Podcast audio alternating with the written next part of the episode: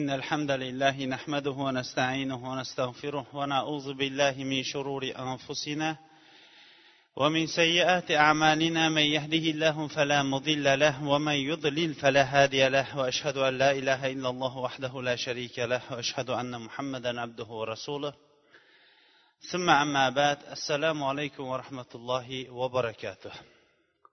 Odatdagidek suhbatimizni boshlashdan avval biz alloh subhanahu va taoloning go'zal ismlari va oliy sifatlari bilan ushbu majlisimizni turli xato va kamchiliklardan xoli bo'lgan majlislardan qilishligini tarqalishligimizda esa alloh subhanahu va taoloning ilm halaqalarini qidirib yuruvchi farishtalari bizlarga qarata ey ollohning bandalari endi o'rninglardan turaveringlar vaholanki sizlarning gunohinglar kechirilindi degan majlislardan qilishligini so'rab suhbatimizni boshlaymiz. Katta tarixdan hijriy yettinchi asrda bo'layotgan voqealarga to'xtab o'tayotgan edik. Rasululloh sollallohu alayhi vasallam bu yili yer kurasidagi taniqli bo'lgan podsholarga xat yozgani va rim imperatori heraqlga ham xat yozib abu sufyon bilan bo'lgan va qavmi bilan bo'lgan savol javoblarni aytib o'tgan edik.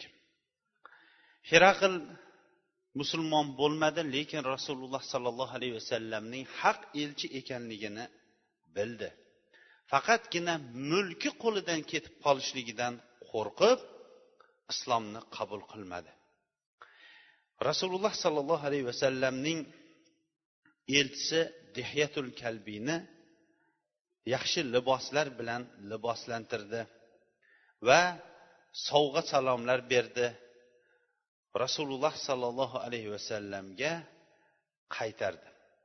Yo'lda ketayotgan vaqtda rasululloh sollallohu alayhi vasallamning elchisini juzam qabilasidan bir to'da qaroqchilar chiqdida rasululloh alayhissalomning elchiligiga qaramasdan hamma narsasini olib qo'ydi. Rim imperatori degani bu yer kurasida shu vaqtda odamlar aytsa larzaga keladigan ravishda edi. Lekin bu qabila qaroqchilari na rasululloh sollallohu alayhi vasallamni na rim imperatorini hurmat qildi. Balki hurmat qilmasdan barcha narsalarni olib qo'ydi. Dehya roziyallohu anhu uyiga ham kirmasdan to'g'ri rasululloh sollallohu alayhi vasallamning oldiga kelib bo'lgan voqeani aytdi. Juzam qabilasi unchalik uzoqda ham emas edi madinadan rasululloh sollallohu alayhi vasallam zayd ibn harisani besh yuz kishilik askar bilan u yoqqa qarab yubordi. Zayd ibn haris roziyallohu anhu vodil quroga juzam qabilasining o'rniga bostirib kelgan vaqtda ular bu qilgan ishlariga pushaymon bo'lishdi va katta bir asirlar va tuyayu qo'ylarni haydab keldi. Tuyalarning soni mingta edi qo'ylarniki esa besh mingta va asirlar esa yuzta edi. Urush bo'lmagan holatda asta sekin shunchalik ravishda haydab kelishligi musulmonlarning yettinchi yilning o'zida ancha arab yarim orolligidagi mavqei kattayib qolganligiga dalolat qilardi. Qabiladagi zaydubni rafaa degan kishi bir toifa odamlar bilan o'zi musulmon bo'lgan edi. Va dehya roziyallohu anhuni himoya qilishlikka ham chiqishgan edi lekin eplasholmagan edi. Rasululloh sollallohu alayhi vasallamga kelib bizni ichimizdagi espas odamlarning qilib qo'ygan ishi sababli butun qabilamizni bunday asirlikka olmang molu davlatlarni qaytarib bersangiz ichida biz musulmonmizu dedi. Rasululloh sollallohu alayhi vasallam ularning gaplarini qabul qildida barcha o'lja va asirlarni qaytarib yubordi. Bu voqea ba'zi bir tarix olimlari hudaybiya sulhidan avval degan ekan lekin bu to'g'rirog'i hudaybiya sulhidan keyin bo'ldi. Rasululloh sollallohu alayhi vasallam beshinchi xatni risolani munzir ibn sariya bahrayn diyorining hokimiga yozdi. O'sha bahrayn bugungi kunda ham bahrayndir bugungi kundagi bahrayn nihoyatda kichkinagina davlatni tashkil topadi. Qariyb uchtagina viloyati bor. Lekin alloh subhanava taolo bu butun musulmon diyorlarini xususan arab diyorlarini qora oltin bilan ta'minlab qo'yganligi uchun ham bahrayn bugungi kunda yer kurasida nihoyatda kuchli iqtisodi baland bo'lgan davlatlarning bittasi hisoblanadi. Rasululloh sollallohu alayhi vasallam o'ziga yaqin bo'lib turgan bahrayn diyorining hokimiga xat yozib uni ham islomga chaqirdi. Alo ibn hadramiy roziyallohu anhuni bu xatni ko'tarib boruvchilardan qildi. Xatni o'qigandan keyin amma bad dedi. Rasululloh alayhissalomga javob yozib turib men sizning bahrayn ahliga yozgan xatingizni o'qidim. Ularning ba'zilari islomni yaxshi ko'rishdi islomdan ajablanishdi va islomga kirishdi. Ba'zilari islomni yoqtirishmadi. Mening diyorlarimda majusiy va yahudiylar bordir. Ularga nima buyrug'ingiz bor shu haqida yozib bersangiz dedi. Demak bahraynga yozgan rasululloh sollallohu alayhi vasallamning xati muvaffaqiyatli ravishda qabul qilindi va podshoh qabul qilganidan keyin orqadagi qavmlar ham qabul qildi. Lekin majusiylar va yahudiylar uchun alohida hukm so'raganida rasululloh sollallohu alayhi vasallam u kishiga qaytadan xat yozdi. Xati quyidagicha edi. Bismillahi rohmanir rohim allohning elchisi muhammad sollallohu alayhi vasallamdan munzir ibn saviyga. Sizga allohning salomi bo'lsin. Men u zotdan boshqa ilohlikka haqli bo'lmagan ollohga hamd aytaman va allohning elchisi va bandasi bo'lgan muhammad alayhissalomning haq payg'ambar ekanligiga guvohlik beraman. Payg'ambar alayhissalomni o'zi yozdiryapti. Ammo bad ollohni sizga eslatib aytamanki kim agar haqiqiy sodiq tursa o'z nafsi uchun sodiq turibdi. Kim mening elchimga itoat qilsa menga itoat qilibdi. Kim menga haqiqiy sodiq tursa demak unda bir yaxshilik bordir men sizni qavmingizga mana shafoat qildim. Musulmonlarni musulmon bo'lganini qavmingizdan o'z holicha tashlang. Gunohlarini olloh o'zi kechirsin. Ammo ularning ichida dunyoviy ishlarini qaysinisini isloh qila oladigan bo'lsangiz isloh qiling. Ammo yahudiy va majusiylar agar sizni diyoringizda yashab turar ekan ular jizya bersin dedi.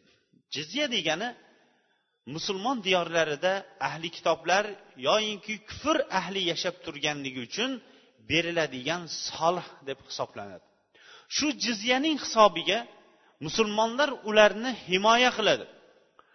Ular musulmon diyorlarida mollariyu jonlari erkin musulmonlarning himoyasida bo'lishadi. Shu bilan birga umar ibn xattob roziyallohu anhu bir kuni qarib qolgan bir yahudiyni ko'rdi. Qarib qolgan ahvoli og'ir. Biron bir u kishiga nafaqa qiladigan inson ham yo'q edi. Umar ibn hattob aytdiki adolatdan emas kuchli bo'lib turgan vaqtda biz bu kishidan jizya olsakda qarib qolgan vaqtda tashlab ketishimiz bu adolatdan emas deb turib u kishiga qariyalik nafaqasini berdi. Islom shunchalik ravishda adolatli bir ish qildiki musulmon bo'lmasa ham qarigan vaqtida biz tashlab qo'yishlik bizni adolatimizdan emas yoshligida biz bu kishidan jizya olganmiz deb turib qarigan vaqtida qariyalik nafaqasini umar ibn hattob mana chiqarib bergan ekanlar. Rasululloh sollallohu alayhi vasallamning oltinchi xati yamama diyoriga bo'ldi. Yamamaning boshlig'i havzat ibn ali edi. Rasululloh sollallohu alayhi vasallam u kishini ham islomga chaqirib bismillahi rohmanir rohim allohning elchisi muhammad sollallohu alayhi vasallamdan havza bin aliga hidoyatga ergashganlarga allohning salomi bo'lsin.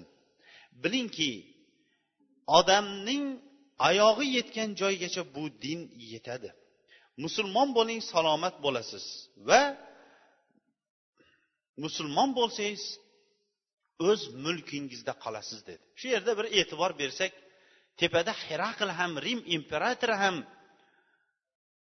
mulkidan qo'rqib musulmon bo'lishlikdan qochdi. Lekin islom ularga agar musulmonchilikni qabul qiladigan bo'lsa yoki musulmonlar qo'liga o'tadigan bo'lsa mulkni mutlaq almashtirib tashlashlik islom targ'ibotida bo'lmadi. Bu ham islomning bir adolatiga dalolat qiladiki kim qanday ish qilib turadigan bo'lsa o'sha ishida o'zi o'z ahlidan davom etib turishligidir. Ammo biron bir joyda biron bir boshliqning o'zgarishligi bilan uning tagidagi boshqa boshliqlarning barchasi o'zgarishligi va u viloyatdagi boshqa boshliqlar qo'l ostidagi ishchilarning barchasi o'zgarib ketishligi bu islom ta'limoti bilan bizlarga kelmagan u yevropa ta'limoti bilan bizlarga kelgan. Rasululloh sollallohu alayhi vasallam kim qanday ishni uddalab turgan bo'lsa o'sha uddalab turgan ishini davom ettirardi. Mana inshaalloh kelgusi haftada haybar janglarini inshaalloh o'tamiz.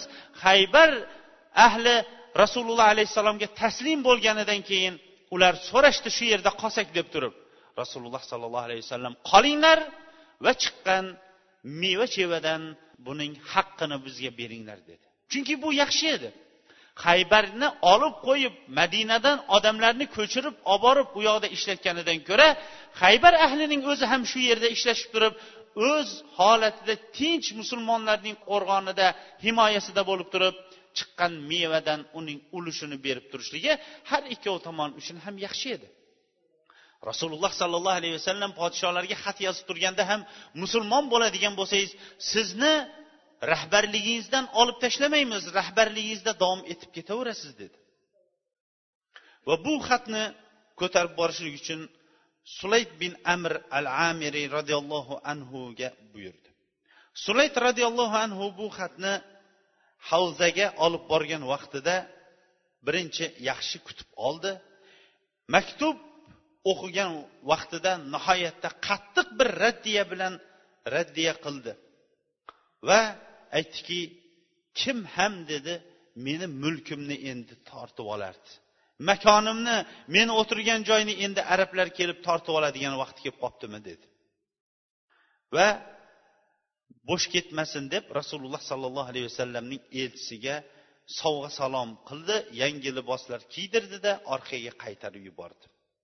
Elchi rasululloh sollallohu alayhi vasallam oldiga kelib bu xabarni aytgan vaqtda rasululloh sollallohu alayhi vasallam haybar fath bo'lgan vaqtda xabar keldiki bu kishining olamdan o'tganligi haqida. Shunda aytdiki yamoma diyorlaridan endi o'zini payg'ambarligini davo qilib chiqadigan kazzob chiqadi va ko'p qon to'kuvchi odam chiqadi dedi.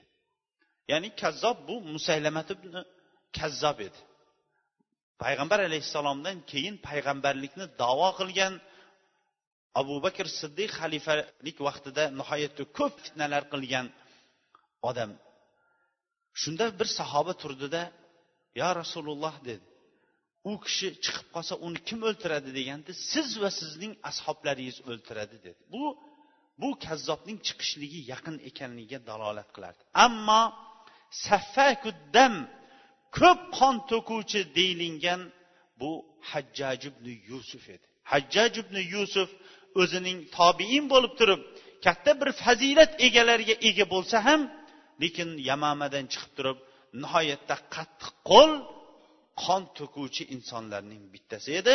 Bu ham rasululloh sollallohu alayhi vasallamning payg'ambarlik mo'jizalarining bittasi hisoblandi.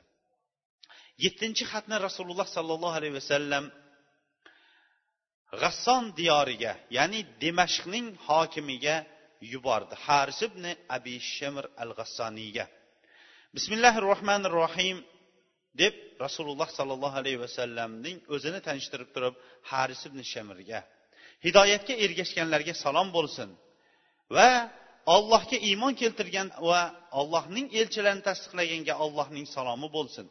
Men sizni ollohning o'zigagina iymon keltirishlikka va unga biron bir narsani sherik keltirmaslikka chaqiraman mulkingiz o'z qo'lingizda qoladi dedi. Va bu xatni ko'tarishlikka shaja ibn vahbni huzayma qabilasidan yubordi. Bu kishi ham mulkni mendan kim tortib olardi deb turib kibr qildi. Sakkizinchi xatni rasululloh sollallohu alayhi vasallam amman diyori bugungi kunda ham amman deb nomlanadi. Arab diyorlarining o'ta katta boy davlatlarning bittasi. Agarchi hajmi katta bo'lmasa ham nihoyatda o'zi qora oltin hisobiga boy davlatlarning bittasi hisoblanadi. Bu davlatni aka uka boshqarishar edi. Jayfar va ukasi abdubnul junladiy degan aka ukalar boshqarishardi. Xatni muhammad ibn abdulloh ko'tardi. Rasululloh sollallohu alayhi vasallamdan bu xatni olib bordi. Xat egasiga yetilmaganidan keyin keyingi xatni rasululloh alayhissalom o'sha diyorga yetkazishlik uchun bu oxirgi xati edi podshohlarga yozgan oxirgi xatini amr ibn os bilan yubordi. Amr ibn os aytadi men ammon diyoriga rasululloh sollallohu alayhi vasallamning xatini ko'targan holatda ketdim. Boruvdim bu aka ukaning ikkovini ham nihoyatda halim hokim holatda topdim. Xulqlari yengil edi. Aytdimki men rasululloh sollallohu alayhi vasallamning ollohning elchisining elchisiman deganda ukalari aytdi akam menda yoshida ham mulkda ham mendan kattadir. Men sizni akamga olib boraman akamga xatni o'qib berasiz dedi. Akasiga olib borgandan keyin nimaga chaqiryapsiz dedi. Men ollohning o'zigagina ibodat qilishlikka va unga biron bir narsani sherik keltirmaslikka ollohdan boshqa qilinayotgan ma'budlarning barchasini tashlashlikka va muhammad sollallohu alayhi vasallam ollohning quli va elchisi ekanligiga guvohlik berishlikka chaqiryapman dedi. Shunda ey amir dedi. Siz qavmingizdagi sharafli odamning farzandisiz. Otangiz bu da'vatni ijobat qildimi dedi. Chunki otangiz bizda bir namunali bo'lgan kishi edi otangizni biz tanirdik dedi. Men aytdimki otam o'lib ketdi. Lekin payg'ambar sollallohu alayhi vasallamga iymon keltirmagan holatda o'lib ketdi. Xohlardimki u kishining musulmon bo'lishligini va alloh va rasulini tasdiqlagan holatda o'tishligini xohlagandim. Lekin bu u kishiga nasib qilmadi. Aytdiki o'zingiz qachon bu dinga kirdingiz? Yaqinda dedim. Qayerda kirdingiz? dedi men aytdimki najoshiyning huzurida. Hammamiz ham bilamizki najoshiy habasiston podshosi. Keyin bo'lsa najoshiyning musulmon bo'lganligi haqida xabar beruvdim aytdiki qavmi mulki qana bo'ldi? Mulki yo'qolib ketmadimi? dedi. Podshohlar har bir o'rinda ham o'zining mulkining yo'qolib ketishligidan qo'rqishgan. Xuddi inson o'zining yig'ib qo'ygan jamg'arma bosh pulining yo'qolishidan qo'rqqani kabi podshohlar ham mana shundan qo'rqishgan. Eng birinchi savoli qavmi mulkini nima qildi dedi. Aytdimki iqror bo'lishdi u kishiga ergashdi. Poplari ham kattalari ham ergashishdimi dedi. Ha ergashishdi. Degandim menga qarab ey amir aytayotgan gapingizga bir qarang. Chunki odamning eng hurmatini yo'qotadigan narsasi yolg'on bo'ladiya dedi. Men aytdim yolg'on gapirayotganim yo'q. Dinimizda yolg'on gapirishlik halol emas balki haromdir dedim. Shunda agar najoshiy musulmon bo'lsa heraql uni o'z holicha qo'yib qo'ymaydiyu dedi. Heraql shu o'rinda ham eslatib o'tishimiz kerak. Rim imperatori bo'lib turib katta imperiya u kishining qo'lida bo'lib ham afrika diyorlari rim imperiyasiga qarab turardi. Agar biron bir podshoh boshqa dinga kiradigan bo'lsa imperator uni nihoyatda qattiq jazolardi. Shunda herakl ya'ni rim imperatori uni tinch qo'yib qo'yarmidi? Deganda men aytdimki ha tincham qo'ydi dedi. Sen qayoqdan ham bilding ey amir? Men aytdimki najoshiy unga har yili davlatidan soliq chiqarib turardi. Musulmon bo'ldi. Payg'ambar alayhissalomni tasdiqlagandan keyin aytdiki ollohga qasamki bugundan boshlab bir dirhamni rim imperatori so'rasa ham bermayman deb aytdi. Bu gap heraqlga yetdimi? dedi. Deganda ukasi gapni oldida o'zining qo'lidagi qullarining bir quli itoat qilmay qo'ysa o'zining dinidan boshqa yangi dinga ergashib ketsa tinch qo'yarmidi deganda men aytdimki ha heraqlning gapini sizga keltiray. Heraql aytdi bir kishi o'zi dindan boshqa dinni tanlasa o'z nafsi uchun endi men uni nima ham qilar edim dedida de, uni o'z holicha tashlab qo'ydi dedi. Shu o'rinda aytib o'tishimiz kerak heraql rasululloh alayhissalomga iymon keltirib bo'lgan edi. Buni o'tgan darsimizda o'tdik. Lekin uni mulkidan ajralib qolishligi rim imperiyasidan ajralib qolishligi qo'rqibgina bu dindaligini oshkor qila olmagan edi. Shuning uchun ham najoshiyni o'z holicha qo'yib qo'ygan edi. Keyin bu gaplarni aytganimdan keyin ey amir dedi. Aytayotgan gapingizni bir o'ylab gapiryapsizmi? dedi. Men ha ollohga qasamki rost gapiryapman dedi.